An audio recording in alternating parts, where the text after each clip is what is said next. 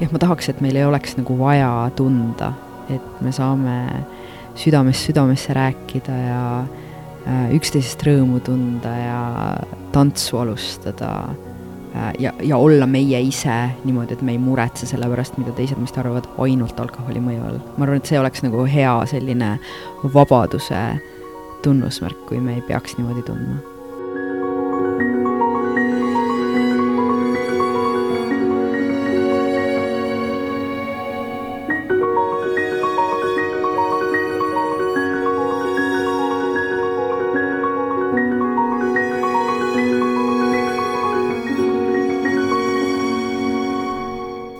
head külalised, head kuulajad, tervitused, minu nimi on Rainer Sterfeld ja te kuulate kolmekümne esimest episoodi saatest Globaalsed eestlased, kus meie eesmärgiks on vabariigi sajandaks aastapäevaks luua mälupilt silmapaistvatest Eesti inimestest üle maailma ning üksteiselt õppida.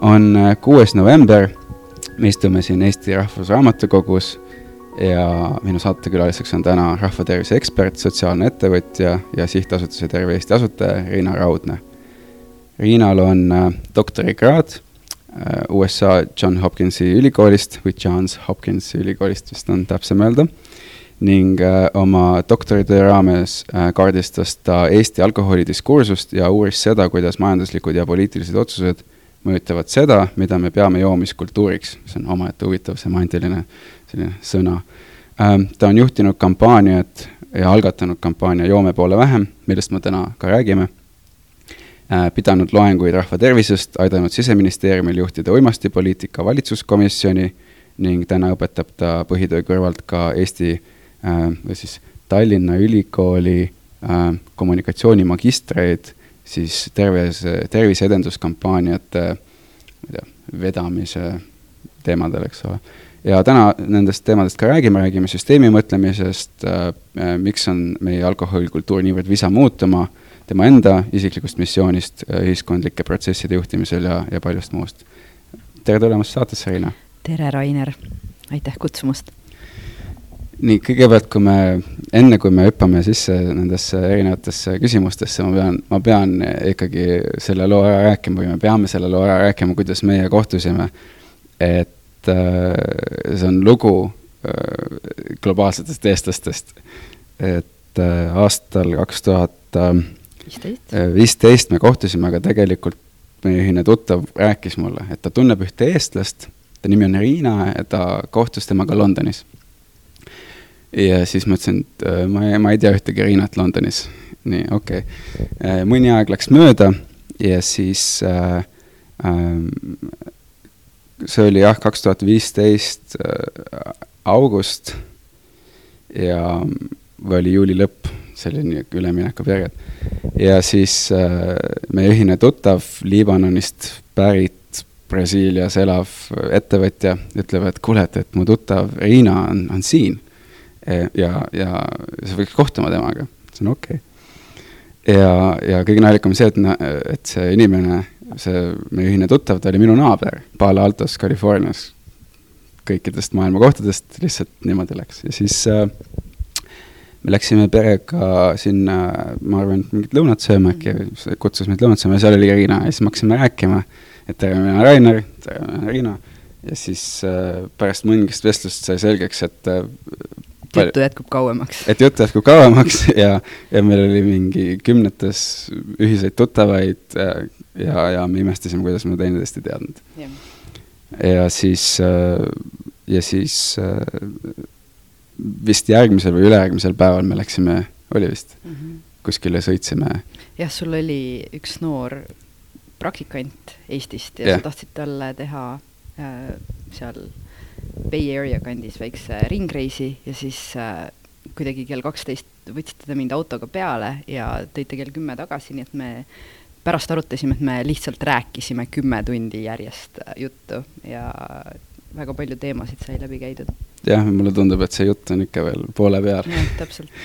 ja, ja võtsin su raamatupoest peale, et et äh, aga sinu isiklik lugu ei alga mitte Palo Altost, kus me kohtusime, vaid sinu isiklik lugu algab äh, Martnas mm. -hmm. et ähm, räägi sellest. kui täiesti algusest alustada, siis ma sündisin äh, kahekümne esimesel juunil tuhande üheksasaja kaheksakümne esimesel aastal äh, väikses Läänemaa külas Martnas, mis oli selline tore väike sofoos äh, ja, ja eile, kui me Raineriga korra arutasime tänast, siis ma ütlesin, et ilmselt on seda poliitiliselt ebakorrektne öelda, aga mul oli selline õnnelik ja turvaline päikseline Nõukogude lapsepõlv. Um, võib-olla seda, kui ähm, kui selline turvaline ja ja rõõmus see oli, ma, ma, sain aru hiljem, kui ma Inglismaal elasin ja ja sain aru, kuidas inimesed mõtlevad klassiühiskonnast ja, ja kui harjunud kõik on selliste tohutute ebavõrdsustega, et äh, kuidagi hiljem hakkasin hindama, et väga huvitav, et ma oma esimese kümne eluaasta jooksul kunagi ei pidanud nende teemade peale väga mõtlema. et muidugi igasuguste äh, äh, igasuguste muude keerukuste kohta ma ei pidanud ka mõtlema, aga aga, aga selline see lapsepõlv oli ja siis äh,, kui ma sain teismeliseks, siis ma kolisin Haapsallu, elasin natuke aega oma vanavanemate juures, kolisin selle tõttu, et äh, ma hakkasin Haapsalus muusikakoolis käima ja kuidagi see bussitransport sealt Martnast ei olnud kõige parem ähm,. ja siis äh,, kui ma olin neliteist äh,, siis tegin ühel päeval koolist poppi Haapsalust ja sõitsin bussiga Tallinna ja läksin Prantsuse Lütseumi sisseastumiskatsetele. Ja ei rääkinud sellest kellelegi enne, kui ma sain teada, et ma olin sisse saanud. siis informeerisin oma vanemaid, ütlesin, et äh, ma nüüd tahaks hariduse nimel Tallinna kolida Nad olid äh, šokeeritud, aga toetavad ja, ja siis universum konspireeris niimoodi, et mul olid ühed äh, väga toetavad sugulased äh, Tallinnas, kelle juures ma sain elada keskkooli ajal ja kes, äh, kes kuidagi ka toetasid seda mm, -hmm. seda õppimisnälga. Milline oli selline see kodune keskkond, et mis tekitas sellise intellektuaalse ähm, huvi äh, sinus? ma ei oska ma võib-olla vastaks sellele niimoodi, et, et ma elasin äh, väga väikses kohas ja ähm, ma arvan, et seal ma ei olnud äh, muul viisil intellektuaalselt väga stimuleeritud, kui, kui see, et meil oli kodus väga-väga palju raamatuid ja ma lugesin neid äh, nõrkemiseni mm.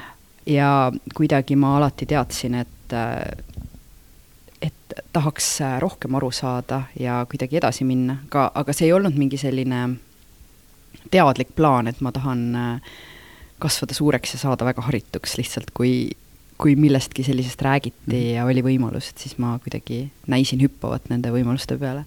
Sa ütlesid mulle ka, et sa seal äh, Lütsemis, Prantsuse Lütsemis käies sa said nii-öelda käevalgeks väitlemisega mm. -hmm. Et... jah, ma arvan, et see oli Prantsuse Lütsemi juures üks selliseid ähm, noh, võib-olla, võib-olla Lütseum ise ei äh, ei identifitseeri ennast nii väga palju selle väitlemisega, aga aga see oli täpselt see aeg niimoodi üheksakümnendate teisel poolel, kus väitlus oli Eestis juuri ajamas ja mina olin tulnud Läänemaalt, minu inglise keel ei olnud üldse nii hea kui näiteks paljudel teistel, kes olid kas kogu aeg Tallinnas koolis käinud või olid Inglise kolledžist meile tulnud või teised, teised väitlejad olid Inglise kolledžis, siis ma olin suhteliselt ebakindel oma väitluses, aga, aga ikkagi võtsin sellest osa ja ma arvan, et sealt on tulnud nagu selline väga tugev võrgustik sõpru ja tuttavaid ja, ja sellist äh, ambitsiooni väga normaalseks pidamist, et ma arvan, nii väitluses endas kui seal Prantsuse lütseumis olid lihtsalt väga ambitsioonikad noored inimesed, kes kuidagi vaatasid äh, sellise laia ja avara pilguga ja tahtsid rohkem teada ja, ja, ja see, et me nagu teame asju, loeme, räägime nendest, oli, oli see, kuidas asjad käisid. Kui ma vaatan sinu elulugu, siis äh, alates siis äh, ülikoolist mm., et siis sinu õppetööst on justkui välja kasvanud selline professionaalne areng ja siis, mis omakorda viis mingisuguse uuele õpperajale mm, -hmm. et bakalaureuseõppest mingid projektid, projektidest magistriõppesse, magistriõppest projektid mm, -hmm. projektidest doktoriõppesse, et, äh, et räägi äh, kuidas see kõik juhtus, et, et mis juhtus pärast Prantsuse Lütseumi, mis valikuid sa tegid ja miks mm? -hmm. et kui niimoodi tagasi vaadata, siis see kõik näib üsna selline peaaegu lineaarne, aga ma võin öelda, et mind on juhtinud selline suur segadus eh, ma ei ole väga, väga suure osa oma elust teadnud, mida ma tahan teha ja ma olen or-, üritanud hästi paljud uksed nagu lahti hoida, et eh, peale ülikooli ma läksin õppima sotsioloogiat ja sotsiaaltööd. Ma ei saanud aru, mi-, mis sotsioloogia on, ma enam-vähem võisin äh, arvata, et see on midagi sellist, et noh, millega pärast saab Sotsiaalministeeriumis töötada. Ja ma arvan, et ma käisin kaks aastat äh, sotsioloogiat õppimas Tallinna Ülikoolis ja, ja mu arvamus ei muutunud, ma ei osanud nagu paremini vastata sellele küsimusele, mis sotsioloogia on. ja, ja siis ma läksin äh,, äh, ma sain ühel ilusal päeval Tallinna Ülikoolis käies äh,, sain äh, kuskil Swedbanka trepil kokku oma hea sõbra Artur Taeverega, kes oli läinud aasta varem Oxfordi õppima ja polnud tükk aega näinud ja rääkisime juttu ja Artur ütles, et tal on seal Oxfordis väga tore, et ta, tal on väga kiire, sest ta peab lugema, kirjutama ja mõtlema. ja see lihtsalt kohutavalt inspireeris mind, et Tallinna Ülikoolis ei pidanud kirjutama, lugema ega mõtlema. ja ma suure osa ajast lihtsalt kuidagi ei jõudnud kooli või, või kui ma käisin koolis, siis ma kirjutasin konspekte ja ja siis eksamil tuli neid konspekte nagu esitada, aga ma ei mäleta, et oleks tulnud kirjutada või mõelda. ja ma teadsin, et ma tahan ka minna Oxfordi um,. ja siis jälle universum ka inspireeris, niimoodi ma hakkasin seda väga-väga tahtma, vaatasin Arturi pealt, et tema oli ka niimoodi läinud, et tal ei olnud nagu väga palju raha, tema vanemad ei, ei saanud seda lihtsalt kinni maksta ja ma hakkasin ka sarnaseid võimalusi otsima. ma ei saanud, ma isegi ei taotlenud kohta Oxfordi äh,, aga Cambridge'i ma ei saanud tol aastal sisse ja ma sain sisse hoopis Durhamisse, mis on Põhja-Inglismaal üks äh, tore ülikool ja sain sinna stipendiumi ja laenasin ülejäänu kokku ja mõtlesin, et noh, isegi kui ma saan üheks aastaks minna, see on, oleks juba väga-väga tore. aga kuidagi ma seal lõpetasin äh,, sain isegi cum laude lõpuks, sest ma, mul oli väga suur hirm, et äh, äkki ma ei saa pärast tööd, kui ma ei saa häid hindeid ja ühesõnaga, hirm oli väga tore selline juhtiv äh,, juhtiv motivaator, aga peale ülikooli ma siis pidin valima, et mida ma järgmisena teeks, kuna mul olid head hinded, siis ma taotlesin äh, kohta Oxfordis, võrdlevas sotsiaalpoliitikas, jällegi juhtiv selline motivaator oli, et äh, võrdleva sotsiaalpoliitikaga justkui saab kõike teha, ma ikkagi lõpuks ei pea veel ära otsustama, kes must saab. ja, ja nii ma sattusin Oxfordi magistrantuuri ja seal ma siis hakkasin magistrantuuri, magistrantuuri teisel poolel ähm, võib-olla oli esimene kord, kus mind tabas selline teema, mis kuidagi siis viis mingisuguse missioonini, et see teema, mida ma oma magistritööks tegin, oli ähm, ma võrdlesin seda, kuidas Eesti ja Leedu olid siis vastanud HIV epideemia riskile.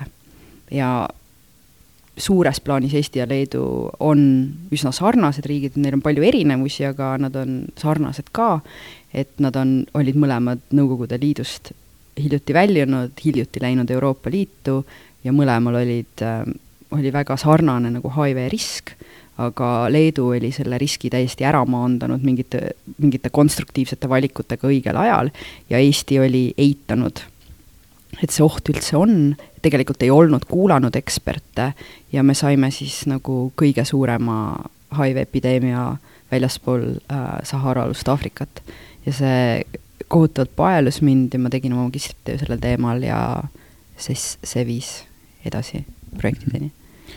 korraks veel äh, sellest bakalaureuseõppest, et sa mulle ka ütlesid, et, et seal Durhamis sa avastasid siis nii-öelda uue või enda jaoks siis uue definitsiooni äh, sotsioloogia kohta. tahad seda lugu rääkida? Ja see oligi nagu naljakas, et ma olin kaks aastat käinud ülikoolis ja võtnud perekonnasotsioloogiat, keskkonnasotsioloogiat äh,, ma ei tea, sotsioloogilisi teooriaid ja mina vähemalt ei, ikkagi ei olnud võimeline kuidagi ütlema, et mis see sotsioloogia siis on. aga kui ma Durhamisse läksin, siis äh, oli esimene aine, mis seal oli, oli sotsiaalse muutuse sotsioloogia ja selle esimeses loengus üks esimesi lauseid oli, et et sotsioloogia on teadus, mis uurib äh, sotsiaalset muutust ja sellega kaasnevaid kõrvalnähtusid industriaalsetes ühiskondades. ja ma ei tea, kas ma olin seda lauset varem kuulnud või ei olnud, aga, aga ma kuidagi olin nii tähelepanelik ja järsku kõik tegi mõtet ja mõtlesin, et ah, nii huvitav. ma ei teadnudki varem, mida ma õpin ja midagi selle Inglismaa hariduse juures on väga teistsugust, vähemalt sellel ajal siin hariduse saanuna, kui ma siin olin, et noh, võib-olla nüüd mul on paremad terminid selle kohta, aga mulle tundus, et kui ma siin koolis käisin, ma õppisin hästi palju fakte, aga ma ei osanud neid ise kuidagi niimoodi kokku panna ja mingit sellist reaalset nagu reflektiivsust ei tekkinud, et nüüd ma saan aru, et noh, me kõige paremini õpime nii, kui meil mingisugused uued faktid seostuvad nende asjadega, mida me juba teame. ja, ja, ja seal Inglismaal mul tuli hästi palju esseesid kirjutada ja hästi palju nagu ise neid seoseid luua läbi esseede, et nad võivad, noh, tüüpiline essee küsimus võib näiteks olla, et noh, kas astmeline tulumaks on hea asi arutle, kolm tuhat sõna, on ju, ja selleks, et sellise essee valmis kirjutada, sa siis pead defineerima, mis on astmeline tulumaks, sa pead äh, vaatama, kuidas seda on proovitud rakendada erinevates kohtades, kus on hästi läinud, kus on halvasti läinud, tooma välja mingid poolt ja vastu argumendid, ja selle lõpuks, selle essee kirjutamise lõpuks sa kuidagi saad sellest teemast väga terviklikult aru. Ja kui sa niimoodi kolm aastat järjest esseesid kirjutad, siis äh, siis su maailmapilt areneb ja, ja need muud teemad ka, millega sa kokku puutud, sul justkui on mingisugune riiulite süsteem, kuhu neid muid asju nagu lükata. Ja ma ei ütle, mul lihtsalt seda nagu väga paljudes asjades Eestis ei tekkinud, et ma olen hiljuti just arutanud, et ma näiteks äh, õppisin kuus aastat füüsikat nagu umbes seitsmendast kaheteistkümnenda klassini, aga ma praktiliselt ei tea sellest mitte midagi. Ja mul on just tekkinud huvi, et peaks nüüd, kus mul on selline palju suurem reflektiivne võime ähm, ja ma oskan õppida, et ma peaks lihtsalt selle uuesti ette võtma, et. -hmm. see, see viimane punkt ei ole unikaalne yeah. nagu tagasiside, no mm -hmm. paljud inimesed öelnud ja ma võin ise ka öelda, et sellist referentssüsteemi äh, puudumist on mm -hmm. meil erinevatel erialadel üsna palju yeah., et on raske panna neid fakte kuskile riiulisse mm, -hmm. et see on, teeb asja hästi selliseks kaootiliseks, et mm, -hmm. et, et need asjad, mis me õpime, kas need peavad kuidagi omavahel seostuma või, või mitte või noh yeah., sellised asjad. pärast Oxfordi või peale Oxfordi sa asutasid uh, Terve Eesti Sihtasutuse mm. -hmm. kuidas kuidas asjad jah, selleni mismoodi need kaks punkti ühendavad? ma, kui ma seda magistritööd kirjutasin, siis ma lihtsalt leidsin noh, nii selgelt, et äh, see, mida Leedu oli teinud, et see epideemia vaos hoida, oli Eestis ikka veel tegemata. et ja mida Leedu oli teinud, et epideemia vaos hoida, oli lihtsalt see, et et neil olid, nad olid leidnud või õigemini siis oli tekkinud kõneisik, kes tahtis selle teema enda rüppe võtta, see oli selline äh, laiaõlgne pikk Leedu meesarst, äh, aasta oli umbes tuhat üheksasada üheksakümmend kolm või neli ja ta leidis, et noh, HIV on mingi uus äge teema, rahvusvaheline, et võib-olla ta saab kuidagi sellega seotult mingit karjääri teha, kohe korraldas Leedus mingi rahvusvahelise konverentsi ja hakkas seda asja ajama. ja siis äh, selleks ajaks, kui Leedus oli mingi kolm või neli esimest HIV juhtu ähm,, neil olid juba, neil oli juba teada, et mis need kõige paremad sellised tõenduspõhised lahendused on ja nad väga, väga kiiresti mitmes linnas juba lõid näiteks äh, mobiilse süstlavahetuspunktide süsteemi ja mingid sellised asjad ja nad olid juba ära rääkinud näiteks, äh, ma ei tea, vanglatöötajatega, õdedega, arstidega, kõigiga, kõigiga, keda oli vaja teavitada, et selline epideemia on tulemas ja kellega operatsiooni oli vaja. et Eestis äh, samal ajal oli niimoodi, et noh, need, nendeks kõneisikuteks osutusid kaks venekeelset naisarsti, kes üheksakümne kolmandal, üheksakümne neljandal hakkasid rääkima, et hästi suur probleem, et meil on Eestis noored nagu on alustanud süstiva narkomaaniaga, et jällegi midagi, mida nõukogude ajal ei, ei lubatud teha nii laialdaselt. ja, ja siis noh, vastuseks sellele oli selline moraalne paanika kuidagi ühiskonna poolt, et issand jumal, noored on hukas ähm, aga, aga nad, aga väga varsti oli siis teada, et tegelikult nende süstivate narkomaanide hulgas levib hepatiit, siis juba üheksakümmend neli, üheksakümmend viis, üheksakümmend kuus, üheksakümmend seitse need kõneisikud rääkisid sellest, et meil on vaja kiiresti midagi teha, meil on vaja näiteks süstlavahetuspunkte, meil on vaja nagu ennetust ja, ja kahjusid vähendavaid meetmeid, et, et, et juhul, kui selles grupis hakkab HIV levima, siis on kuri karjas. ja tegelikult äh, tervikuna me ei võtnud kuulda. me lihtsalt nagu ignoreerisime ja siis aastal kaks tuhat, äh, et ütleme, kui nii Eestis kui Leedus mõlemas oli miljoni elaniku kohta umbes kaheksa uut HIV juhtu läbi tervete üheksakümnendate, siis kaks tuhat, aastal kaks tuhat järsku Narvas avastati mingi kolmsada nelikümmend uut HIV juhtu ja kaks tuhat üks aastal tuhat nelisada uut HIV juhtu üle Eesti.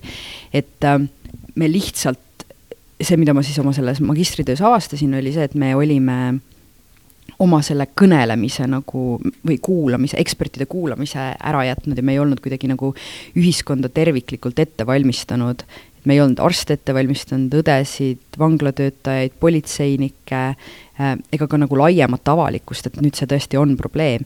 ja kuna see oli nii suur probleem, siis Global Fund oli meile andnud kümme miljonit äh, dollarit, et sellega toime tulla ja riik oli kahe tuhande neljandaks aastaks juba sellise tõenduspõhise nagu kava teinud, et kuidas me riskigruppidele midagi, mingeid äh, teenuseid loome, aga selline üldine lihtsate sõnadega kommunikatsioon inimestele sellest, et miks me peaksime nagu äh, ettevaatlikud olema või seda teemat tõsiselt võtma, et see oli kõik puudu.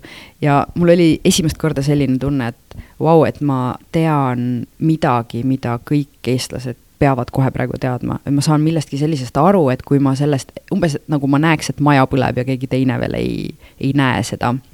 ja noh, loomulikult Nelli Kaalikova ja Ludmilla Priimägi olid seda juba aastaid näinud.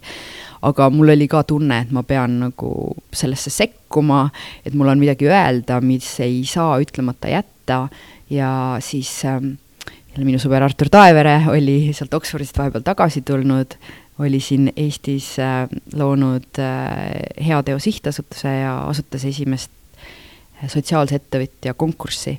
ja siis ma osalesin seal, sest mul oli idee.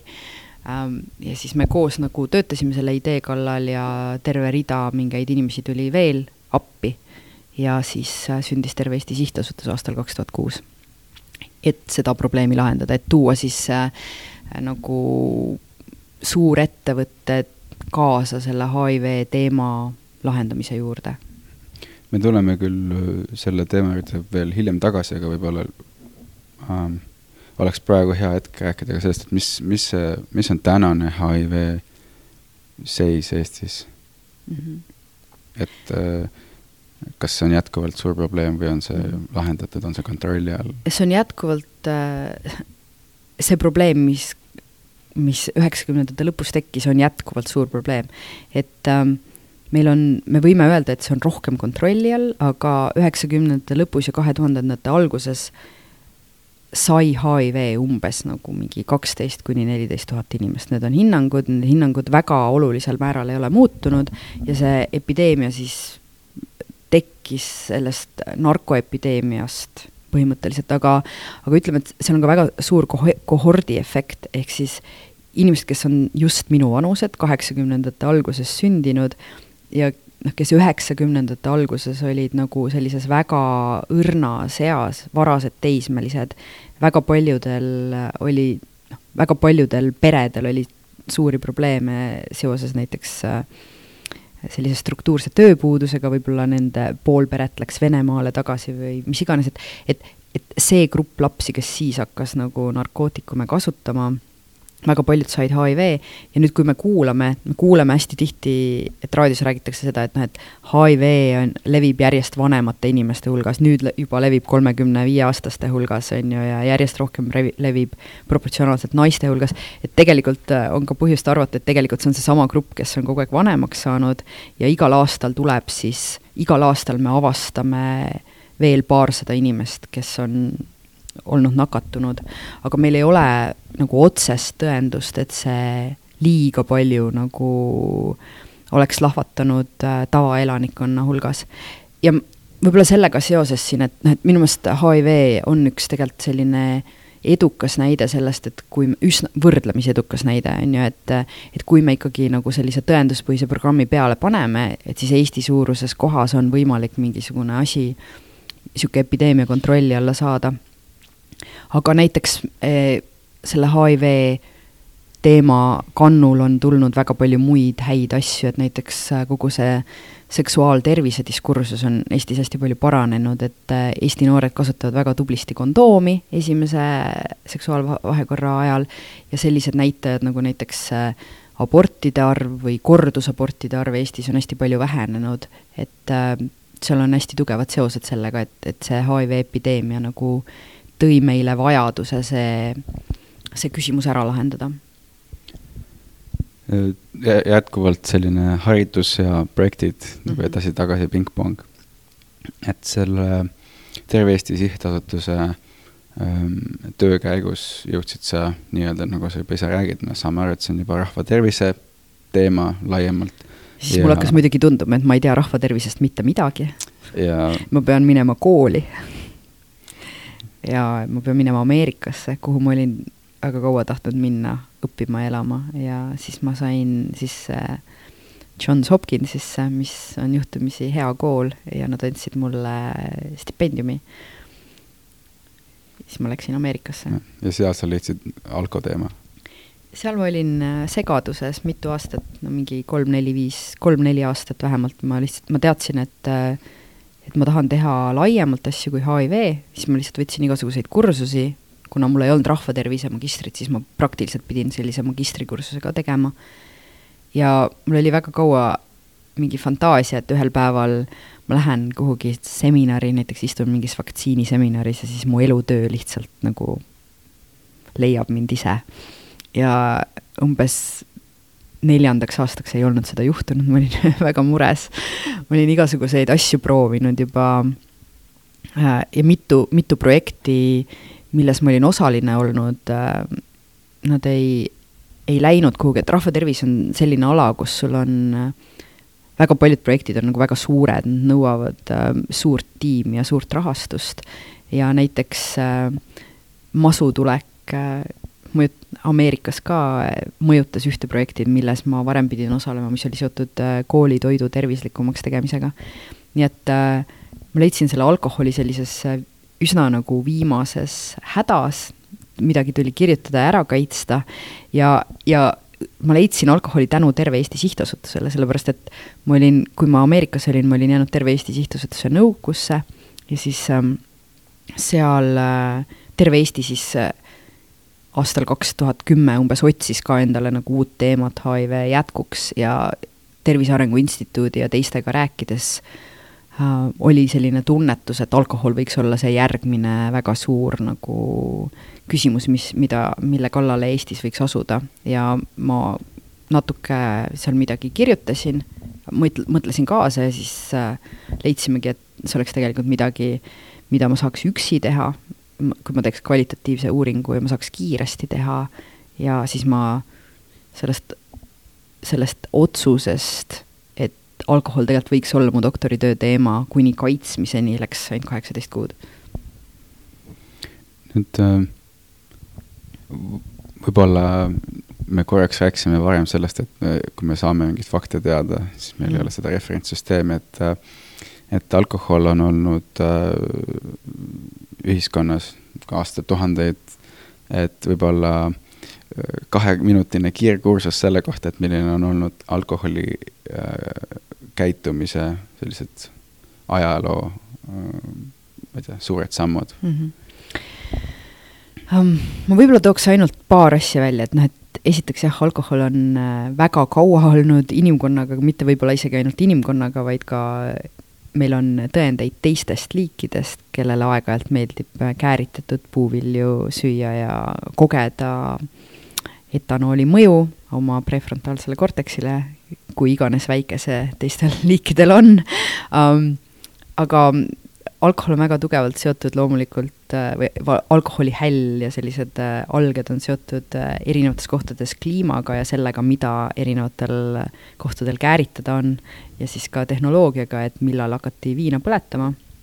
et Eesti puhul siis umbes esimesel aastatuhandel peale, peale Kristust üldse Põhja-Euroopa puhul kääritati seda, mida kätte saadi, nii on kõige kergem öelda, et äh, tehti meest mõdu puuviljadest veini äh,, viljadest või nagu teraviljast tehti õlut, mõnikord kääritati neid kõiki segamini ja mis, mis seda joogikultuuri siis iseloomustas, oligi selline väga tugev aastaaegadega seotus, et kõikidel aastaaegadel ei olnud neid tooraineid saada ja kui neid oli saada, siis tehti, tehti korralikult ja palju ja meil ei olnud veel tehnoloogiat, et et see pikalt säiliks, mistõttu mis kääritati, see tuli ära juua ja kui joodi palju, siis joodi purju. ja üks selliseid äh, Põhjamaade joogikultuuri alustalu on olnud see, et ütleme, kõik kultuurid on reglementeerinud seda, et kes ja kui palju tohib juua. et, äh, et nagu selline purju joomine ei ole tavaliselt universaalselt olnud nagu kõigile ühiskonnaliikmetele lubatud, et näiteks lastele ei ole lubatud või noh, uni-, universaalselt naistele on olnud purju joomine vähem lubatud kui meestele, aga, aga Põhjamaade kultuuris on see väga oluline, et et naistel on olnud üldiselt selline karjase roll, samal ajal kui meestel on olnud siis kultuuriliselt kuidagi luba saada kokku teiste meestega ja koos ennast purju juua. Ja ma arvan, et see on, see on selline üks oluline meie, meie alkoholikultuuri Äh, kirjeldavaid fakte, võrreldes siis näiteks Vahemere maade kultuuriga, kus äh, viinamarjadest äh, sah-, tehti veini, mis oli, mida hoiti aastaringselt tammevaatides ja sai seda kogu aeg niristada tsiviilselt äh, toidu kõrvale kolm korda päevas. E, ja, ja noh, väga oluline äh, selline murdepunkt siis äh, alkoholi ajaloos igal pool on olnud see, kus seda hakatakse niimoodi kommertslikult tootma, selle pealt äh, kasu saama ja ka seda reguleerima, et ähm, seda kasumit reguleerima ja seda joomist reguleerima ja si-, siit läheb ajalugu nagu tõeliselt põnevaks, Eestis ka, aga selle kohta on eri, erinevaid raamatuid, mida saab soovitada mm. -hmm. Nüüd, kui äh, korraks mainisid Põhjamaade kultuuri ja jõuame nii-öelda tagasi Eestisse äh,, Ähm, selline üldistav küsimus, aga võib-olla sa saad aidata meil seda paremini mõista, on, et, äh, et miks on nii, et Eesti äh, HIV-i, alkoholi ja narko diskursus on nii sügavas ehitusfaasis mm.? see on mu lemmikküsimus. Ja ma ei, ma ei tea nagu mingit ühest vastust, et, et mulle tundub, et need teemad isegi on nagu kõik natuke erinevad, kõik on sellised privaatsed käitumised ähm, ja mulle näib, et ähm, võib-olla jah, et tegelikult ma astuks sammu eemale ja ütleks, et äh, et me ei saa öelda, et need teemad kuskil mujal ei oleks olnud stigmatiseeritud. et äh, mulle tundub, et praegusel ajastul elamise üks väga ägedaid äh, selliseid noh, väga üllatavaid momente on just see, et tänu internetile meil on selline tohutu kollektiivne eneserefleksi-, reflektiivsus saanud tekkida, et noh, et kui me võtame kõik mingid sellised äh, teemad nagu ma ei tea, seksuaalne ahistamine, kui paljud on seda te-, kogenud, on ju, et see kõik kuidagi on praegu välja tulemas. et äh, ma arvan, et äh, alkoholiga seotud kahjud, seksuaalsusega seotud kahjud, narkomaaniaga seotud kahjud on sarnased, et me kuidagi, meil ei ole olnud varem tehnoloogiat, meil ei ole varem olnud toetavat kultuuri ja selliseid areene, mis, nagu kus me oskaksime need teemad kokku tuua ja vaadata neid kollektiivse probleemina. et inimesed on tajunud neid nagu probleemidena, mis on sügavalt häbistavad, sügavalt isoleerivad ja mida nad kuidagi peavad, millega nad üksi peavad hakkama saama. sarnased teemad on vaimne tervis näiteks ja noh, mulle isiklikult pakub väga suurt huvi nagu nende teemade sellisel noh, mulle, mulle meeldib neid nagu lahti võtta ja aidata kaasa sellele kollektiivsele arutlusele ja mulle näib, et kui me, kui me seda süstemaatiliselt teeme, et äh, siis me leiame süstemaatilisi lahendusi. et, mingis mõttes võib isegi öelda, et äh, noh, see, et rahva tervis võtab mingi sellise teema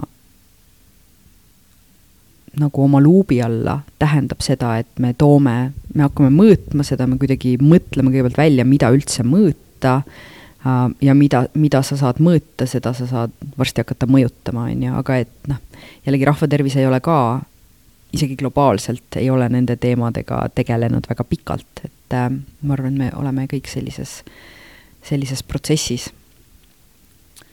ja siis, kui äh, te tegite selle kampaania Joome mm -hmm. poole vähem mm, -hmm. mis minu arvates on geniaalne kolmesõnaline konstruktsioon mm, -hmm. üleskutse, kampaania nimi, kõik mm -hmm. ühes ähm,, siis, siis äh, sa pidid vaatama andmetele otsa, sa pidid teadma nagu ähm,, miks meil seda vaja on mm -hmm. ja mhm. kuidas sellele läheneda mm, -hmm. et, et kuidas see tekkis mm? -hmm et äh, räägin natuke, mis ma siis oma doktoritöös leidsin, ma tegin kvalitatiivse doktoritöö, ma tegin fookusgruppe päris palju, mingi kaheksa ja hästi palju veel intervjuusid juurde. Ähm,. ja minu küsimus oli see, et epidemioloogiliselt, statistiliselt me teame väga hästi, kuidas ja kui palju eestlased joovad. Äh,, mida nad joovad, teame isegi seda, kui vanalt nad jooma hakkavad, mida nad joomise põhjenduseks toovad äh,, kui palju nad enda arvates joovad versus kui palju nad tegelikult joovad, aga me ei tea, et me ei tea seda, et, et kui nii palju kahjusid sellega kaasneb, et miks me jätkame et mi-, et mis, mis meid nagu jooma ajab või joomisest kinni hoiab ja ma rääkisingi nendes fookusgruppides siis eestlastega joomisest ja küsisin, et et milline on alkoholi roll meie igapäevaelus. Äh, mitte nende elus, kes on juba kahjusid kogenud, aga just selline igapäevane joomine, küsisin, et kuidas eestlased joovad. ja sealt ma kaardistasin terve rea selliseid väga huvitavaid äh, uskumusi, võib-olla ja mitte ainult uskumusi alkoholi kohta, aga uskumusi selle kohta, kes me enda arvates oleme, kes eestlased enda arvates on, et üks mu lemmiklugu sealt on see, et, et ma noh, tegingi, kui ma seda teksti kodeerisin, siis ma tegin ühe sellise, üks kood oligi, et eestlased ongi. ja et iga kord, kui keegi ütles, et noh, et eestlased ongi kidakeelsed, külmad, kalgid, ei saa sõnagi suust, ei saa pidu käima, rahe peksab näkku, paraku meil ongi orjaöö olnud. et siis ma kirjutasin, panin selle, tag isin nagu selle koodiga ja lõpuks, kui ma selle, ma ei tea, oma intervjuudest ja transkriptidest selle kõik välja võtsin, ma sain mingi kuus lehekülge sellist teksti selle kohta, millised me oleme, kui sa seda lugema hakkad, siis tuleb õudselt suur masendus peale ja kui sa küsid, kui ma küsiks sinult nagu, et Rainer, kas sina oled selline, on ju, eestlasena, siis sa ütleks, et ei, absoluutselt mitte. aga samal ajal meil on selline kollektiivne kuvand endast see on hämmastav. Ja ja mis mind kõige rohkem šokeeris, oli see, et äh, kui ma, et, et mõned need grupid olid äh, kahekümne ühe aastaste noormeestega, et kes olid sündinud äh, tuhat üheksasada üheksakümmend üks, nad ei olnud elanud mingil orjaajal, nad ei olnud isegi nõukogude ajal elanud, aga nemad rääkisid sellist juttu, et noh, et Eesti mehe psühholoogiasse ongi see integreeritud, et me äh, peame jooma, et see on ainuke viis, kuidas nagu sellest orjusest vabaneda, on ju, me juba õppisime seda, ma ei tea, kaheksateistkümnendal sajandil. et siis mul tekkis hoopis selline taju, et vau, et äkki on niipidi, et ähm, et me hakkame kõigepealt jooma ja siis me hakkame seal joomise käigus õppima, miks me joome ja ka, et kuidas on olla eestlane mida tähendab olla eestlane ja mida tähendab nagu kannatada selle eestlase käes ja kuidas joomine aitab sellest kannatusest nagu vabaneda selles kuueleheküljelises nimekirjas, mis olid äh, kõige populaarsemad ähm, sellised eitused või vabandavad põhjendused? ikkagi, et me oleme külmad kalgid, ei saa sõnagi suust ja et, et vaat kuidas teistel on võimalik ennast emotsionaalselt väljendada, täitsa lõpp, venelased, hispaanlased, itaallased, et nemad võivad kätega vehkida, nemad võivad teha kõiki neid asju, meie ei saa.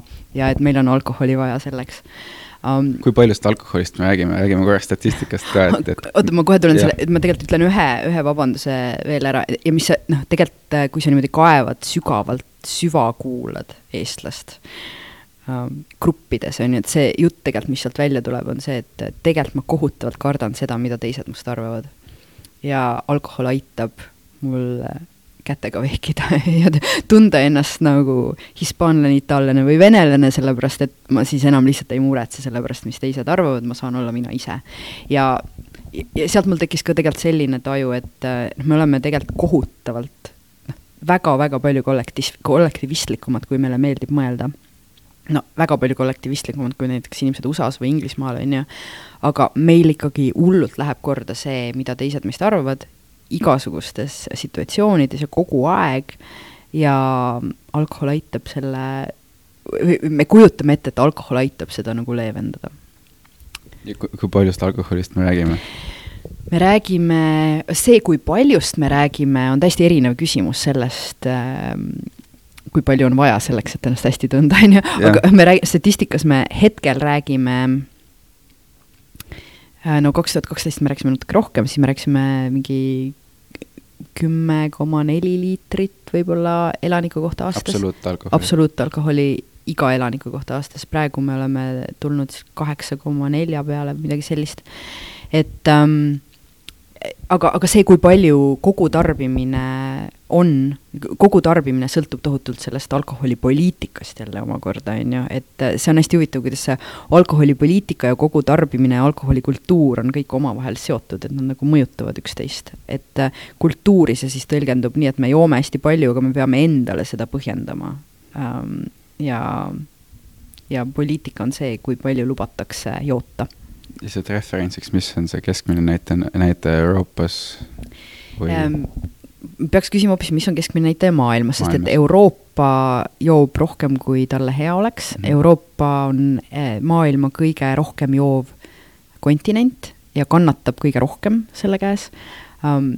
niimoodi, et ega me Euroopa joojatest oleme ka ühed nagu enim joojad, aga ütleme, et Maailma Terviseorganisatsioon ütleb, et kuus liitrit elaniku kohta puhast alkoholi aastas peaks olema see selline, selline piir siis, kus alkoholitööstusest ja kaubandusest tulevad kasud ja kahjud on enam-vähem ähm, kuidagi tasakaalus, kui me joome kümme, siis, siis see, see, see tööstus meile kokkuvõttes on kahjumlik või sellisel määral ta on kahjumlik.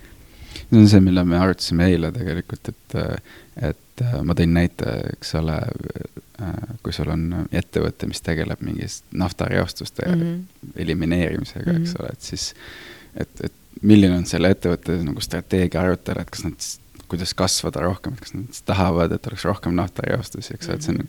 iseenesest juba piiratud selline turg, et alkoholiga täpselt sama lugu, et et tahad sa või ei taha, et sa ei saa öelda, et, me tahaksime, et kõik jooksid.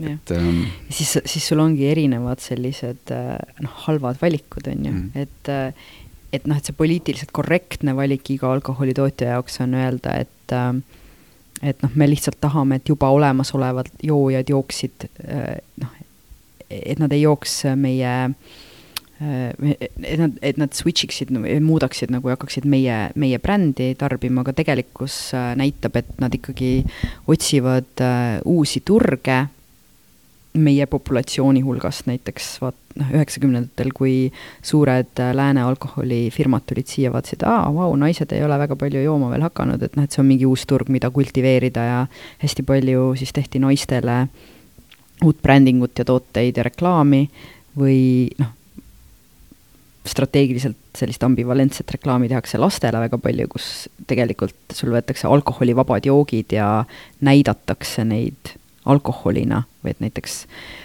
luuakse limonaad, mille nimi on mojito ja peal on sellised lambad ja mingi selline multifilmilik ähm, kujundus, et äh, see kõik on hästi keeruline mis on üks selline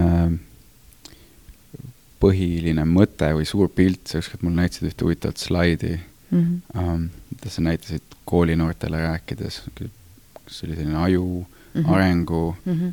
graafik, kui ma mm -hmm. õigesti mäletan mm. -hmm. kui sa pead midagi näitama noortele, siis mis, mis mm -hmm. see on?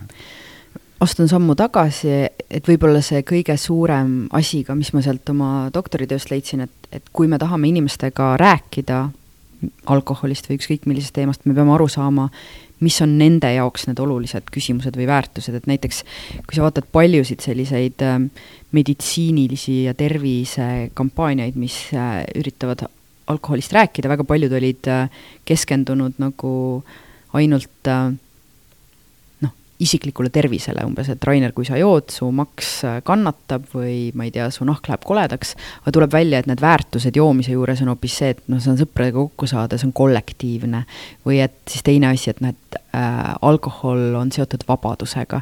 et vabadus näägutava naise juurest äh, korra oma sõpradega minna mingeid jooke võtma või vabadus äh, vereimejaliku tööandja sellisest piiravast režiimist välja astuda või, või vabadus oma vanematele vastu hakata, kui ma olen teismeline. see vabaduse teema oli nagu hästi-hästi suur ja see tuli igalt poolt välja. ja me vaatasime, et need tavalised äh, meditsiiniteemalised äh, kampaaniad üldse ei kasutanud nagu neid meie jaoks hästi olulisi väärtusi ja siis me hakkasime tegema kampaaniaid äh, just niimoodi, et me võtsime need olemasolevad väärtused sellest joomiskultuurist ja hakkasime rääkima nendest ja siis see vabadus on hästi oluline. miks me ajust räägime noortele, on see, et äh, kui sul on korras aju, sul on rohkem vabadust, sul on rohkem isiklikku võimet äh, mitte ainult fantaseerida tulevikuplaanidest, aga ennast niimoodi juhtida, et sa tegelikult saad mingeid asju tehtud ja me noortele nagu üritame me üritame näidata, et nende aju on nende enda tööriist kuidagi ja et, et põhimõtteliselt äh, alkoholi joomine ajal, kus äh, need koed alles arenevad, põhimõtteliselt rikub seda tööriista, mida sul on ülejäänud eluks vaja. mulle meeldib mõelda, et, et väljaspool meie aju ei olegi mitte midagi olemas. Mm.. et, sest kõik toimub siin sees jah, nii võib, võib vaadata, ma näen, kuidas nii võib vaadata. jah, äh, mis olid sellised äh, suurimad õppetunnid selles äh, Joome poole vähem kampaanias, kampaanias? Um, hästi palju õppetunde, et äh, esi-, isiklikke õppetunde hästi palju, et äh, esiteks see, et äh, üksi ei saa mitte midagi tehtud, on ju, ja et äh,, et, et Joome poole vähem kampaania äh, isegi see slogan sündis peale seda, kui me tegelikult olime juba mingisugune kaks aastat väga palju mõelnud sellest datast ja väga palju teinud koolitusi ja väga palju saanud inimestelt tagasisidet ja siis järsku kuidagi ühel päeval lahvatas, et meil on vaja nagu tegelikult, et, et umbes, et meil on vaja rahvaliikumist, et mõjutada valitsust ja poliitikuid ähm, ja et need, mingi slogan võiks olla selline ja siis me hakkasime vaatama, et kuidas see slogan igasuguseid selliseid tingimusi rahuldas. et näiteks, et äh, ja ühesõnaga, et, et väga-väga palju eeltööd oli tehtud, et see ei tulnud mingi see ei tulnud mingi niisugune baari õhtuga, eks. teine, et äh, tegelikult seda alkoholipoliitika teemat olid hakanud ajama juba Sotsiaalministeeriumi inimesed väga tugevalt väga,, väga-väga tugevalt, umbes aastal kaks tuhat kaheksa, kaks tuhat üheksa. Eestis oli kirjutatud alkoholipoliitika roheline raamat, mis on minu üks raamatusoovitus ka ähm, äh, see oli kirjutatud aastal kaks tuhat kaksteist ja, ja et oli tulnud kuidagi kokku selline hästi, hästi haritud, hästi tõenduspõhine Äh, huvigrupp, kes sai siis Sotsiaalministeeriumit toetada nende alkoholitootjate vastu, et varem oli olnud äh,, alkoholitootjad olid nagu üheksakümnendatel ja kahe tuhandendatel lihtsalt öelnud Reformierakonnale, mida nad tahavad, et regulatsioonis juhtuks ja siis see kohe juhtus. et, et ühesõnaga selline koostöö äh, nende kõikide erinevate pooldavate huvigruppidega on olnud hästi oluline, siis ma arvan, teine on olnud see, et äh, et kui sa tahad, et sul oleks mingi selline missioon, mida teised toetavad, et sa pead selle niimoodi artikuleerima, et see saaks väga autentselt olla nagu nende teiste inimeste enda missioon. et see ei oleks lihtsalt see, et noh, väga tore, et sa aitad äh, aitad mingile Riina missioonile kaasa, vaid et sina ise tahad, et Eestis oleks äh, alkoholikahjusid vähem või et noored jooksid vähem, on ju ähm, ma arvan, et see on olnud hästi oluline, siis ma arvan, hästi oluline minu jaoks on olnud õppida kuidagi austama alkoholitootjaid ja nagu selles konfliktis seisma sellise diplomaatiaga või, või saama aru, et ähm, nad ei ole tingimata nagu halvad inimesed, kes tahavad, et noored rohkem jooks, vaid et nad, neil on nagu täiesti oma perspektiiv, kuidas nad tahavad äh, oma äri edendada äri, mis al-, mis on legaalne, mis algas nagu varem kui kõik need, need praegused tervisediskursused ja et, ähm, et, et kui tuua selline austav perspektiiv ja päris dialoog, et äh, siis me tegelikult nagu võib-olla jõuame kaugemale, ehkki see konflikt jääb nagu sinna sisse. et mingid sellised, sellised õppetunnid võib-olla tooks välja. Nüüd sa, sa mainisid äh,, kuidas erinevaid poliitikaid äh, muudetakse või muudeti mm tol, nendel aastatel, et äh, sa praegu annad siis, tuleme tagasi sinu nii-öelda ma ei oskagi öelda, kas see on nagu hobiprojekt või kõrvalprojekt või mis mhm. iganes, et sa annad Tallinna Ülikooli kommunikatsiooni, kommunikatsioonimagistrantidele siis äh, tervisekampaaniate kursust ähm,. räägi sellest mm. -hmm. See on mingi kursus ähm,, mida ma olen hästi mitu korda juba andnud ähm,. et ähm, jah, põhimõtteliselt ma õpetan teistele inimestele ka, kuidas kampaaniaid teha ja see ei, seal ei ole eriti midagi äh, kampaaniaid ei ole väga raske teha lihtsalt ja see kursus on selline, kus inimesed gruppide kaupa siis äh, teevad oma kampaaniaid, et ma olen seda andnud ka Tervise Arengu Instituudis hästi mitu korda äh, praegustele terviseedendajatele ja tegelikult üks äh, veel väga äge kursus, mida ma just sain anda praegu, oli kom-, seal Eesti Kunstiakadeemias sotsiaalne innovatsioon ja disain.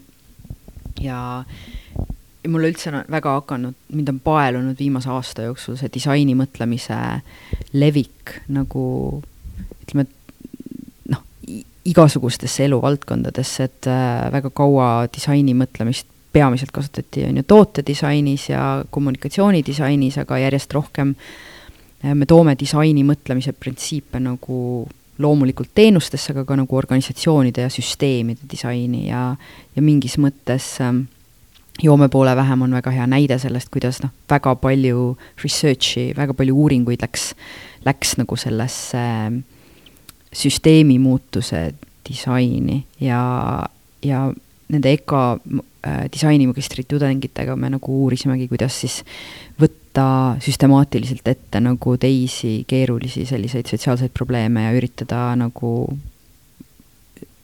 üritada ehitada selliseid interventsioone äh, Äh, kohtadesse, kus äh, võib-olla kõige, kõige vähesema vaevaga võiks kõige suurem tulu tulla mm. -hmm.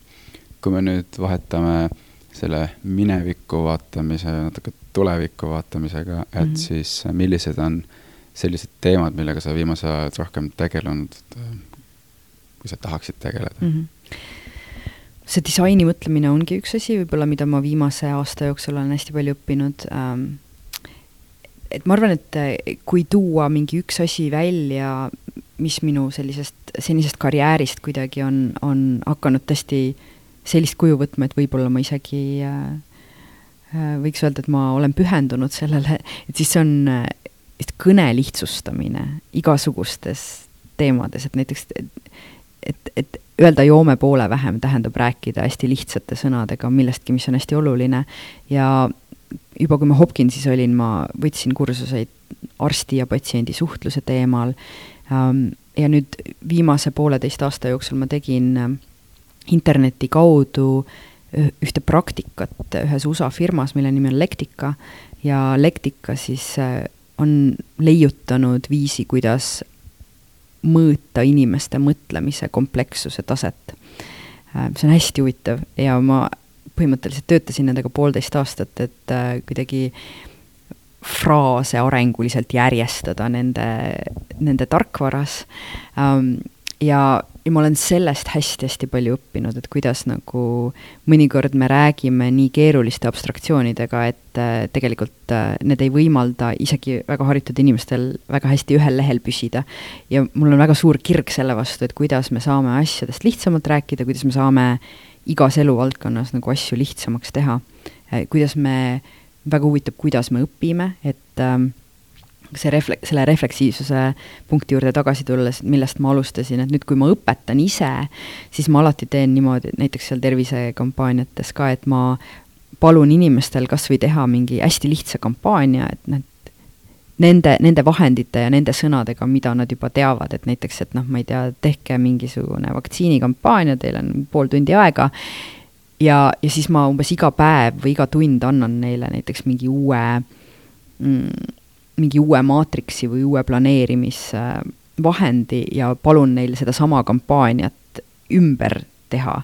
ja siis nad iga päev näevad umbes, et aa, okei okay,, et me eile olime väga naiivsed, me eile tegelikult nii paljudest asjadest ei saanud aru, mida oleks võinud arvesse võtta, aga kuna nad ise alguses tegid selle kampaania, siis neil on kõikide nende uute tööriistade jaoks, neil on nagu mingi konks, kuhu kuhu need uued äh, kontseptsioonid riputada ja, ja niimoodi lihtsamalt keerulisele me õpime nagu niivõrd palju paremini. et äh, mind õudselt huvitab, kuidas äh, kõikides asjades äh,, kõikides valdkondades saaks sellist nagu ühist arusaama modereerida ja paremaks teha.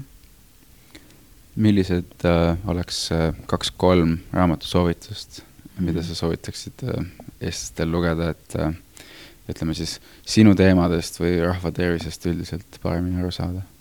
ma mõtlesin selle peale, ma mõtlesin, äh, ma mõtlesin tegelikult äh, kahe või kolme alkoholiga seotud raamatu peale, et äh, loomulikult väga palju muid toredaid raamatuid, millest võiks rääkida, aga, aga kui tahta rääkida alkoholist, et minu meelest üks müüt, mis Eestis ikkagi veel väga tugevalt püsib, on see, et noh, et äh, meil on mingi oma alkoholikultuur, mida me peame kuidagi hoidma või kaitsma ja me ei ole nõus nägema, et see kultuur on täielikult nagu alkoholitööstuse poolt mõjutatav ja et, et alkoholireklaam on selline tahtlik kultuuriline muutuse protsess ja, ja lihtsalt, et panna konteksti, kui erinevad need alkoholikultuurid on ja kui palju need muutuvad, et üks väga hea raamat on äh, juba tuhande üheksasaja kuuekümne üheksandal aastal kirjutatud äh, raamat The Drunken Comportment, A Social Explanation, mis on selline äh, antropoloogiline ülevaade hästi-hästi paljudest äh, äh, sellistest väikestest hõimukestest igal pool üle maailma ja sellest, kuidas äh,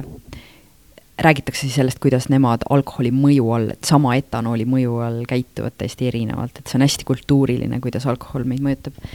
Äh, veel on väga huvitav raamat, mis räägib nagu sellisest äh, just nimelt regulatsiooni ja poliitökonoomia mõjust äh, joomisele ja kultuurile, on üks Vene ajalooraamat, peal, üsna hiljuti tuli välja, pealkiri on Vodka Politics, Alcohol Autocracy and the The Secret History of the Russian State äh, Mark Schradi poolt äh, kaks tuhat kuusteist. Ähm, ja siis äh, meil on endal, kui tahta lihtsalt Eesti, Eesti alkoholi seal, ma ei tea, teemal silma peal hoida, meil on kohutavalt hea alkoholi aastaraamat, mida Konjunktuuriinstituut igal aastal välja annab juba viisteist aastat. sul on see kaasas ka? mul on see kaasas, ma siin saalis olijatele saan seda näidata väga ilus sinine. et äh, kui see läbi lugeda, siis ka tekib väga palju seoseid ja sellega koos võib-olla soovitaks äh, alkoholipoliitika rohelist raamatut, mis, mille Sotsiaalministeeriumi tublid ametnikud kaks tuhat kuusteist, kaks tuhat kaksteist kirjutasid. ja see annab ka sellise väga hea ülevaate nagu noh, mul on, mul on väga hea meel, et meil on selline väga terviklik vaade et mida see aine teeb, kuidas see on tekitanud epideemia ja kuidas seda lahendada, ehkki poliitiliselt see võib-olla võtab kaua aega mm. -hmm. vahetame võib-olla teemat äh, üsna, üsna, üsna, ma ei teagi, suurelt, eks ole, et äh, käsitleme, räägime Eestist, räägime ähm, sinu mõtetest Eesti üle, nii nagu me kõikide saatekülalistega räägime mm. Et kui keegi küsib, milline on Eesti, siis kuidas sa kirjeldad seda hmm.? praegu ma olen äh, tohutu fänn, aga ma arvan, on olnud hetki, kus äh, tegeldes rahva tervisega ma olen olnud väga kriitiline. ma olen olnud väga kriitiline selle eitava suhtumise üle ja oleneb, kellega ma räägin, et kui ma räägin oma rahvatervise kolleegidega mujal maailmas, siis ma võin olla väga kriitiline. aga üldiselt ma räägin, ma räägin ka meie, praegu ma kaldun rääkima meie IT eduloost ja ma kaldun rääkima sellest, ma arvan, osa võib-olla sellest on põlvkondlik ka, aga ma kaldun rääkima sellest, kui, kui kui tegusad ja lahendusele orienteeritud me oleme ja kui, kui väike Eesti on ja, ja tänu sellele, kuivõrd me oleme harjunud lihtsalt sellega, et noh, kui sul on, on vaja midagi lahendada, siis sa leiad kogukonnast kellegi, kes, kes aitab isegi väga suuri probleeme lahendada või noh, ma ei tea, minu enda kogemus näiteks sellega, et sa tegelikult suvalise isikuna saad poliitikat mõjutama hakata, on äh, ma arvan, mind väga palju võimestanud ja mulle näib, et äh, et kui eestlased välismaal ka liiguvad, et, et meil on, kuna meil on Eestist selline kogemus, et asju on ju tegelikult võimalik ja kerge muuta, et isegi kui me oleme mingites suuremates keskkondades, võib-olla sina saad sellest rääkida paremini, et siis sul on ka kuidagi selline tunne, et noh, ma ei tea, Valge Maja poliitikuteni ei peaks ju olema võimatu jõuda, on ju, et noh, sest Eestis me näeme seda, kui, kui kerge see on. Kas see on ammendav vastus? loomulikult. Ähm, te-, teine küsimus on see, et äh, seal on kaks poolt, et millised on siis eestlaste tugevused ja voorused ja siis teiselt poolt siis nii-öelda nõrkused või mida me võiksime parandada mm, -hmm. et rahvusvahelises äh, konkurentsis nagu meil paremini läheks mm. -hmm. Mm.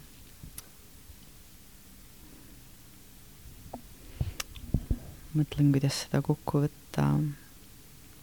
Mulle tundub, äh, mulle tundub, et äh, et eestlased äh, või noh, et need keskkonnamõjud on nii üliolulised, et kui sa näed eestlasi mujal, kui sa näed eestlasi nagu Eesti keskkonnast väljas ähm,, siis eestlased väga tihti käituvad hoopis teistmoodi ja käituvad võib-olla avatumalt, pingutavad rohkem.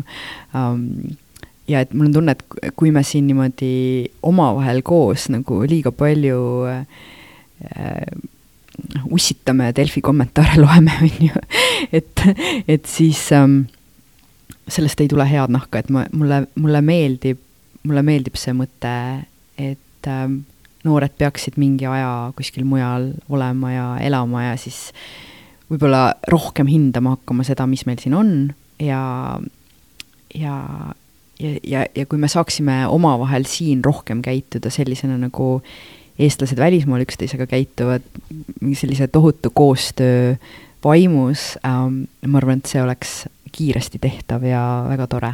et me, me juba õpiksime nendelt asjadelt, nendelt, nendest käitumistest, mida me juba kuskil mujal nagu oleme võimelised näitama. Et äh, võib-olla viimane küsimus, enne kui me küsime publiku käest ka, et, et äh, Eesti Vabariik saab äh, vähem kui aasta aja pärast saab äh, sajaaastaseks. mis ta nüüd on, vähem kui aasta, peaaegu poole aasta pärast mm. -hmm. milline oleks sinu soov Eesti sajandaks sünnipäevaks? palju õnne um, kõigepealt ja eest, eestlaste, eestlastele mul oleks võib-olla see soov, et me jätkuvalt äh, õpiksime üksteisega hoolivalt ja lihtsate sõnadega rääkima. see on väga ilus soov, et äh, minul on sellega küsimused läbi, aitäh, et sa võtsid aega. aga ma võib-olla päris lõppenuks ei kuulutaks, et ma vaataks publiku poole ja vaataks, kas on, kas on küsimusi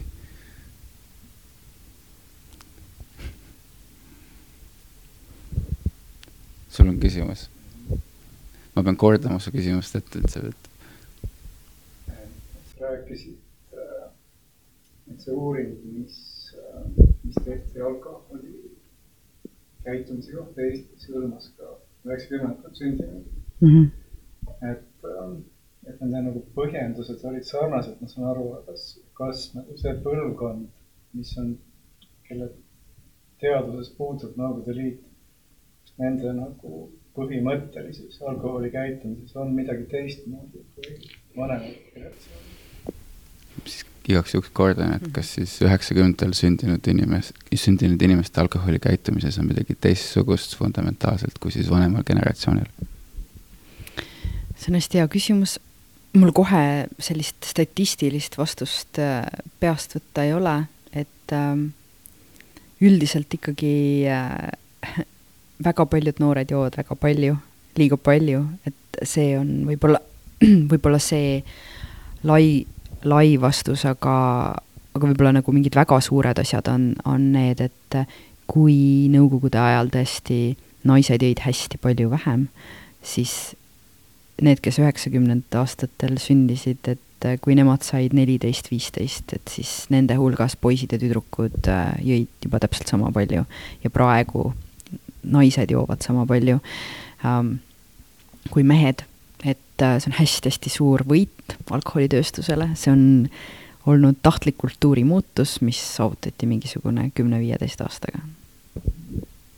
ja epidemioloogias see näeb välja umbes selline, et naiste maksatsirroo-, alkoholist tingitud maksatsirroosi suremus tõusis kahe tuhande kaheksandaks aastaks siis üheksakümne teise ja kahe tuhande kaheksanda aasta vahel kolmkümmend viis korda. samal ajal kui meeste alkoholist tingitud maksatsirroosi suremus tõusis ainult neli ja pool korda okay.. ammendav vastus.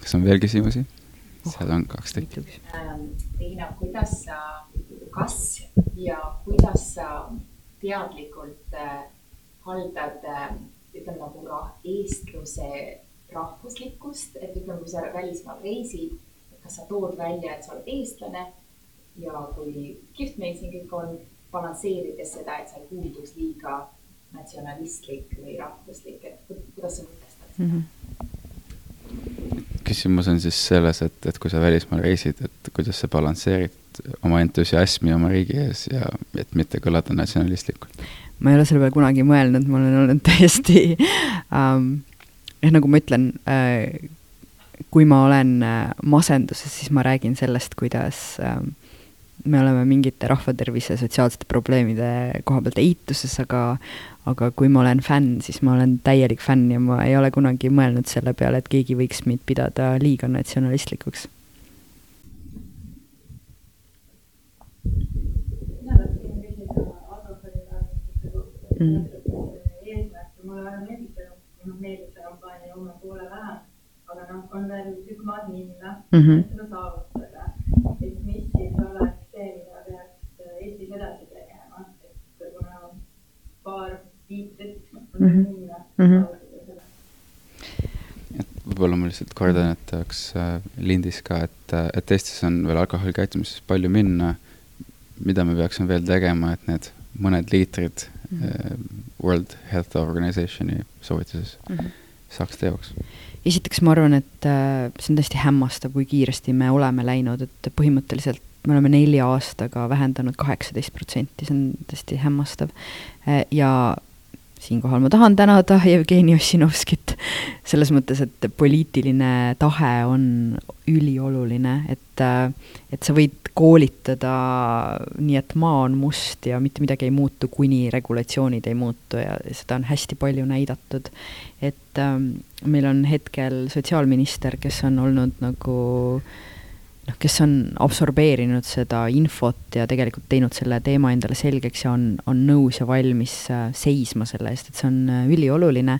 ja tegelikult veel on ka teisi poliitikuid, kes on aidanud, aga jällegi see tõenduspõhine selline äh, rada on nagu teada, et meil on, meil on äh, vaja nii-öelda seda jootmiskvooti piirata, ehk siis seda, kui palju valitsus lubab joota Eesti rahvale Eestis alkoholi ja seda saab piirata läbi reklaami piiramise äh,, läbi ostumugavuse piiramise, ehk siis see, kui, kui, kui palju sul poode on ja kui palju sulle poes näidatakse alkoholi ja siis äh, hinna.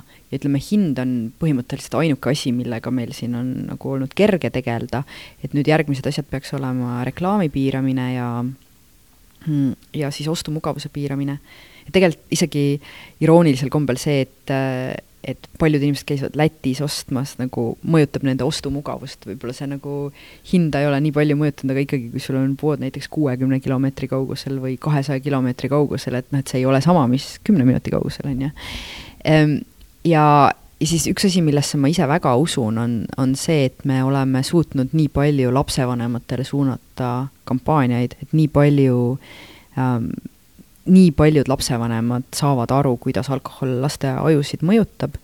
Ja ma arvan, et jällegi me ei, me ei tohiks nagu kunagi rahvatervises seada endale selliseid eesmärke, et noh, et me kas saame nagu sajaprotsendilise edu või, või siis oleme täiesti läbi kukkunud, et me peame sellele aega andma, aga ma usun, et me oleme õigel teel. Ja kui me võrdleme tubakaga, on ju, et seal keelati reklaam kahe tuhandendate alguses ära, tõsteti hinda, kahe tuhande seitsmendal Eestis äh, keelati siseruumides suitsetamine ja meil on noorte hulgas suitsetamine vähenenud üle poole. et äh, ja tõesti, nagu normid on hästi palju sellega muutunud, et ma usun, et kui me seda tahame, ähm, siis meil on võimalik alkoholiga täiesti teistsugune suhe arendada. jah, ma tahaks, et meil ei oleks nagu vaja tunda, et me saame südamest südamesse rääkida ja äh, üksteisest rõõmu tunda ja tantsu alustada äh, ja, ja olla meie ise niimoodi, et me ei muretse selle pärast, mida teised meist arvavad, ainult alkoholi mõju all. ma arvan, et see oleks nagu hea selline vabaduse tunnusmärk, kui me ei peaks niimoodi tundma. veel küsimusi? ma küsiks nii, et sa oled seal päris pikalt olnud Eestist ära mm. -hmm oli selline, et istusid nagu algid ja külmad ja appi või oli selline tunne, et siin, hakkame tööle. küsimus on siis selles, et pärast pikki aastaid Eestist väljaspool, et mis oli see emotsioon, kui sa tagasi tulid? noh, ma olen nagu kaks korda tulnud ja mul on ikkagi olnud väga tore iga kord tulla, et äh, võib-olla ma olin ka harjutanud seda, kuidas on niimoodi elada, et ma ei muretse kogu aeg selle pärast, mida teised minust mõtlevad um,. aga üldiselt um, jah, ma arvan, et äh, väga tore on, kui olla kuskil mujal ja õppida midagi, eriti noh, mina olen veel mõlemal korral õppinud kuidagi Eesti kohta midagi, nii et mul on olnud mõlemal korral selline tunne tagasi tulles, et mul on midagi väga konkreetset panustada mul on tundunud, et iga kord asjad on hakanud minema nagu lepase reega, et kuidagi hästi kerge on leida üles need inimesed, kellega on vaja ähm, koostööd teha, äh, kõik on olnud nagu väga koostööaltid, et noh, ma olen teadlik sellest, et äh, mõned ütlevad näiteks, et kui sa tuled tagasi, et siis kuidagi mingites institutsioonides võib-olla inimesed ei ole nii õnnelikud, et sa tuled mingisuguse oma välismaa teadmisega, aga väike diplomaatia aitab ja ma arvan, üldiselt on ikkagi nagu see on, see on niisugune koht, Eestis on niisugune koht, kus sa lihtsalt saad nii palju ära teha, kui sa kuidagi tahad ja suudad inimestega koostööd teha, et see on, see on hämmastav, et ma olen kogu aeg nagu hästi tänulik nende võimaluste eest või ja ja noh, alati on, on see teine võimalus ka laual, et äh, töötaks vahepeal kuskil välismaal um,, ja ma arvan, et see on hea ja tervislik aga, aga seal jah, ma arvan, kuskil mujal ei ole mul võimalik olla nii efektiivne kui siin. siis ma tean, statistika järgi läheb väga-väga palju riigi raha mm -hmm. just äh, seal haiglates, et alkoholijoobel inimesed, nad teevad endale viga, nad teevad teistele viga, toovad palju õnnetusi esile, nad väga palju satuvad EMO-sse, sinna läheb väga palju raha. kas on võimalik, olete uurinud, kas mingeid ka riiklikke regulatsioone, et kuidagi piirata seda raha, mis sinna läheb, näiteks nagu meil on roolijoodikutega, et kui inimene on ikka alkoholijoobes teeb liiklusavarii, siis see on, kindlasti on tema süüdi mm. -hmm. et äh, ennetus on see, mida tehakse enne, et kõige mõistlikum on vähendada roolijoodikute arvu ja seda saab vähendada läbi selle, et meil inimesed joovad üldiselt vähem näiteks kui kaks tuhat kaheksa tuli, kaks tuhat kaheksa Eestis äh, rakendus mitu alkoholi piiravat meedet korraga, et äh, masu tõttu tõsteti aktsiisi väga palju, siis üle, üle väga pika aja see alkoholi re reaalne kättesaadavus nagu korra vähenes, hinna tõttu ka. aga teine asi, mis siis äh, läks käima, oli see äh, öine alkoholimüügi keeld.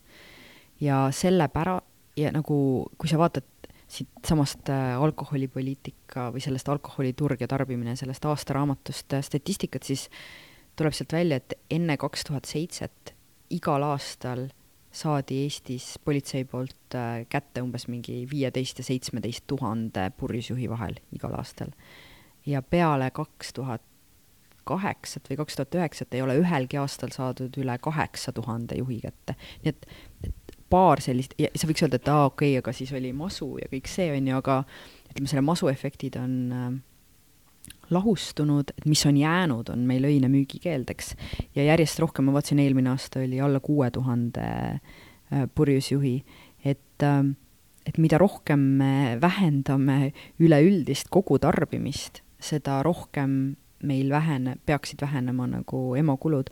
Ja, ja noh, küsimus, siin sa võiks, on ju, tuua selle väite, et aa, aga võib-olla no ma ei tea, politsei äh, püüab vähem kinni või nad patrullivad vähem kui enne, aga aga tegelikult, kui sa jagad, äh, vaatad neid õnnetuste arve ja sa vaatad neid hukkunuid ja vigastatuid äh, kümne tuhande inimese kohta, et seal ka on täpselt poole väiksemad need arvud peale kahe tuhande üheksandat, et et alkoholipoliitika ja alkoholiregulatsioonid on ühed nagu äh, noh, ma arvan, kõige võimsamalt Eesti elu edasi viivad äh, küsimused, need on väga vaiksed. Äh,, tegelikult nagu, kuna keegi ei tule meil alkoholi joomist ära keelama ja me kõik ikkagi saame ennast purju juua, kui me tahame, meil on see vabadus, on ju, aga see selline üleüldine äh, noh, üleüldine foon, mis selle abil saab muutuda, on äh, täiesti transformeeriv, ma arvan ütleme, kui me vaatame järgmist põlvkonda, kes on praegu ütleme viie, kuue, seitsmeaastased lapsed mm, -hmm. oletame, et me tulevik, nemad tulevikus enam nii palju ei joo, kui ütleme meie põlvkond mm -hmm. võib-olla. et mis sa näed, kas, kas see, et eestlased on, ütleme, kinnised ja ei suhtle väga palju emotsioonitud, et kas on mingi enesekindluse küsimus ja kas nendeks on äh, mingeid muid praktikaid nagu noh jooga või äh, enese niisugune teadlikkus, sellised teemad, et kas äh, järgmist põlvkonda võiks kuidagi suunata selliste teemadega mm -hmm. tegelema mm? -hmm. ma arvan, et äh, hästi palju, hästi palju lootust on ja hästi palju tegeldakse sellega ka, et meil on näiteks, no esiteks me elame väga palju vabamas maailmas kui, kui varem, et me noh, põhimõtteliselt me jagame läänega mingit meediaruumi ega, ja, ja noh, üldse need suhtlemise ja enesekindluse, kinnisuse küsimused jällegi, nad ei ole nagu lõpuni ainult meile omased, et et läänes ka inimesed õpivad praegu omavahel paremini suhtlema, võib-olla nad hakkasid nagu kuuekümnendatel õppima paremini suhtlema, aga ikkagi nad ei ole kõiki neid küsimusi lahendanud, aga me võib-olla saame nagu nüüd koos inimkonnana neid asju õppida, me ei tunne ennast eestlastena võib-olla nii teistsugustena selles konkreetses dimensioonis. Ähm, Eestis konkreetselt äh, ma arvan, väga, väga lahe on see, kui palju ähm, igasuguseid äh, toredaid nagu tõenduspõhiseid vanemlusprogramme on ähm,. ja noh, ma ei tea, et maailm muutub nii kiiresti, et ma ei tea kõik need asjad, et kuidas tehnoloogia täpselt mõjutab äh, meie omavahelist suhtlust, meie fookuse võimet, on ju, sõltuvusi, et need on täiesti sellised ähm, lõpuni nagu tundmata asjad, on ju, või et kuidas mingi tehisintellekt hakkab meie eluolu mõjutama, et ma ei, ma ei tea. küsiks parem Rainerilt, mis sina arvad, kas tuleviku eestlased on äh, avatumad kui, kui need globaalsed eestlased, kellega sa seni oled rääkinud? üldiselt ma näen küll trendi, et et äh, jah, et ähm, ma tuleks tagasi selle põneva konstruktsiooni juurde, mida ma tihti olen siin saatesarjas ähm, maininud, et äh, et iga ähm, okupatsiooniaasta kohta on vaja ühte vabaduse aastat, et ähm, äh, sellest siis sellisest süstemaatilisest äh, äh, ma ei tea, puudujäägist mm -hmm. kõiges mm -hmm. äh, üle, üle saada ja ja jah, me ei ole tihti nii palju maas teistest, kui me kipume arvama, et me oleme üsna enesekriitilised mm. -hmm. ma arvan, et äh, alkohol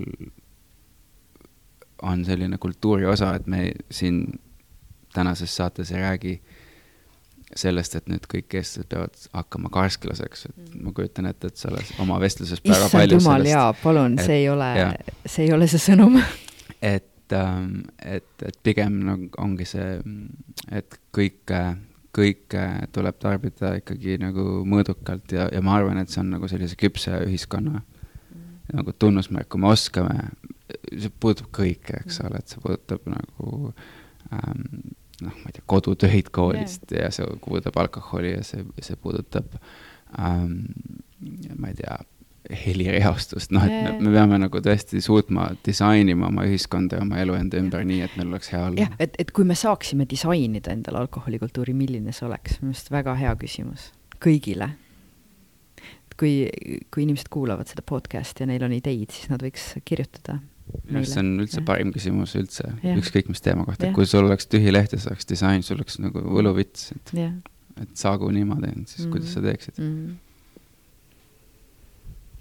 see on ka, tegelikult see on üks võte, mida me kasutame, kui me teeme alkoholiteemalisi selliseid väikseid äh, koolitusi ja loenguid, et me küsime inimestelt, et kuidas ähm, noh, näiteks, et teie siin neljakesi selle laua ümber, on ju, mõelge välja, milline on siis normaalne, et, et kui te oleksite oma pere alkoholipoliitika kuningad või mingid noh, ma ei tea, juhid, et mi-, milline oleks ideaalne perekondlik alkoholipoliitika või kohalikus omavalitsuses, on ju, et mida tuleks teha, et kui teie saaksite kõike teha, mida te teeksite, et noorte joomise kahjusid vähendada näiteks. ja siis inimesed niimoodi istuvad ja mõtlevad ja hästi tihti tulevad äh, spontaanselt lagedale lahendustega, mis juhtuvad oleva, olema ka tõenduspõhised lahendused, et äh, huvitav on seda näha. sinu veel küsimus? Äh, sa oled hästi palju praegu tegelenud alkoholi teemadega, enne oli hübriid mm.. kas sa hetkel näed või tunned, et Eestis on veel mingisuguseid suuri valdkondi või teemasid, tahaksid panustada või tunned innustust, et seal saaks palju paremini asju teha um,? Need on kaks erinevat küsimust, et kas ma näen valdkondi, kus midagi tuleks teha ja kas ma näen, et ma tahan ise seal äh, praegu panustada äh,.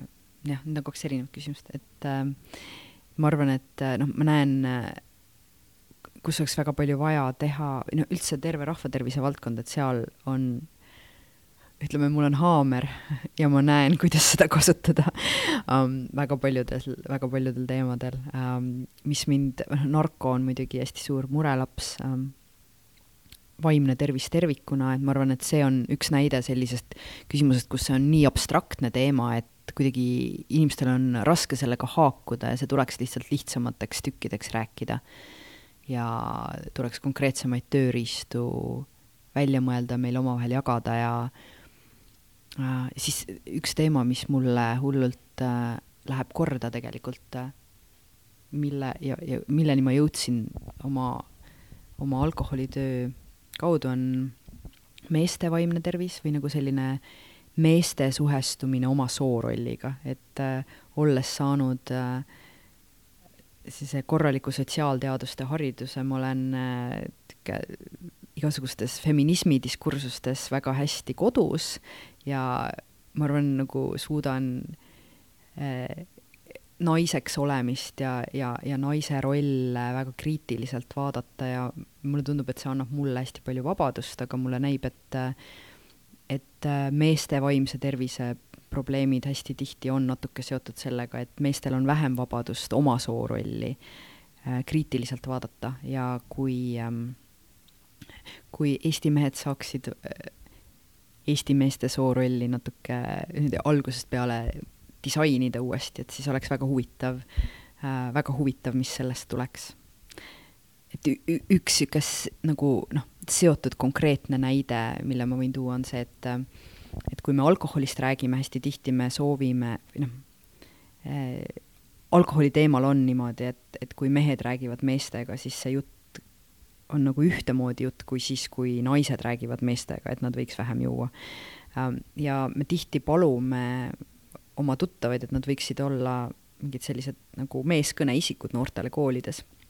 ja me toome seda näidet, et, et hästi paljud mehed ütlevad, et nad on alkoholi kohta sellist ennetusinfot peamiselt saanud oma elus naistelt, et äh, emadelt, tädidelt, õpetajatelt, vanaemadelt, kasvatajatelt äh,, oma naistelt ja, ja, ja seal on natukene see naine näägutab äh, maitse juures ja et nad väga harva või võib-olla üldse mitte kunagi ei ole kuulnud teiselt mehelt, et kuule, et äh, et noh, sa võiksid enda eest üldse hoolitseda või, või et tervis on tähtis või kehakaal on tähtis või et noh, ma ei tea, kuidas juua või mis iganes need asjad on, eks.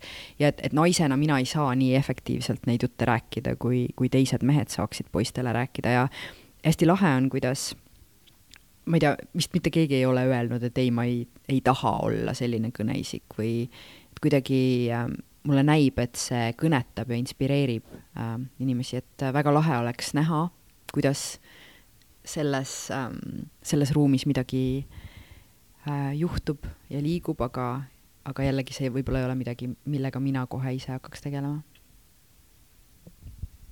jah, üsna kõnekas on ka see publik siin.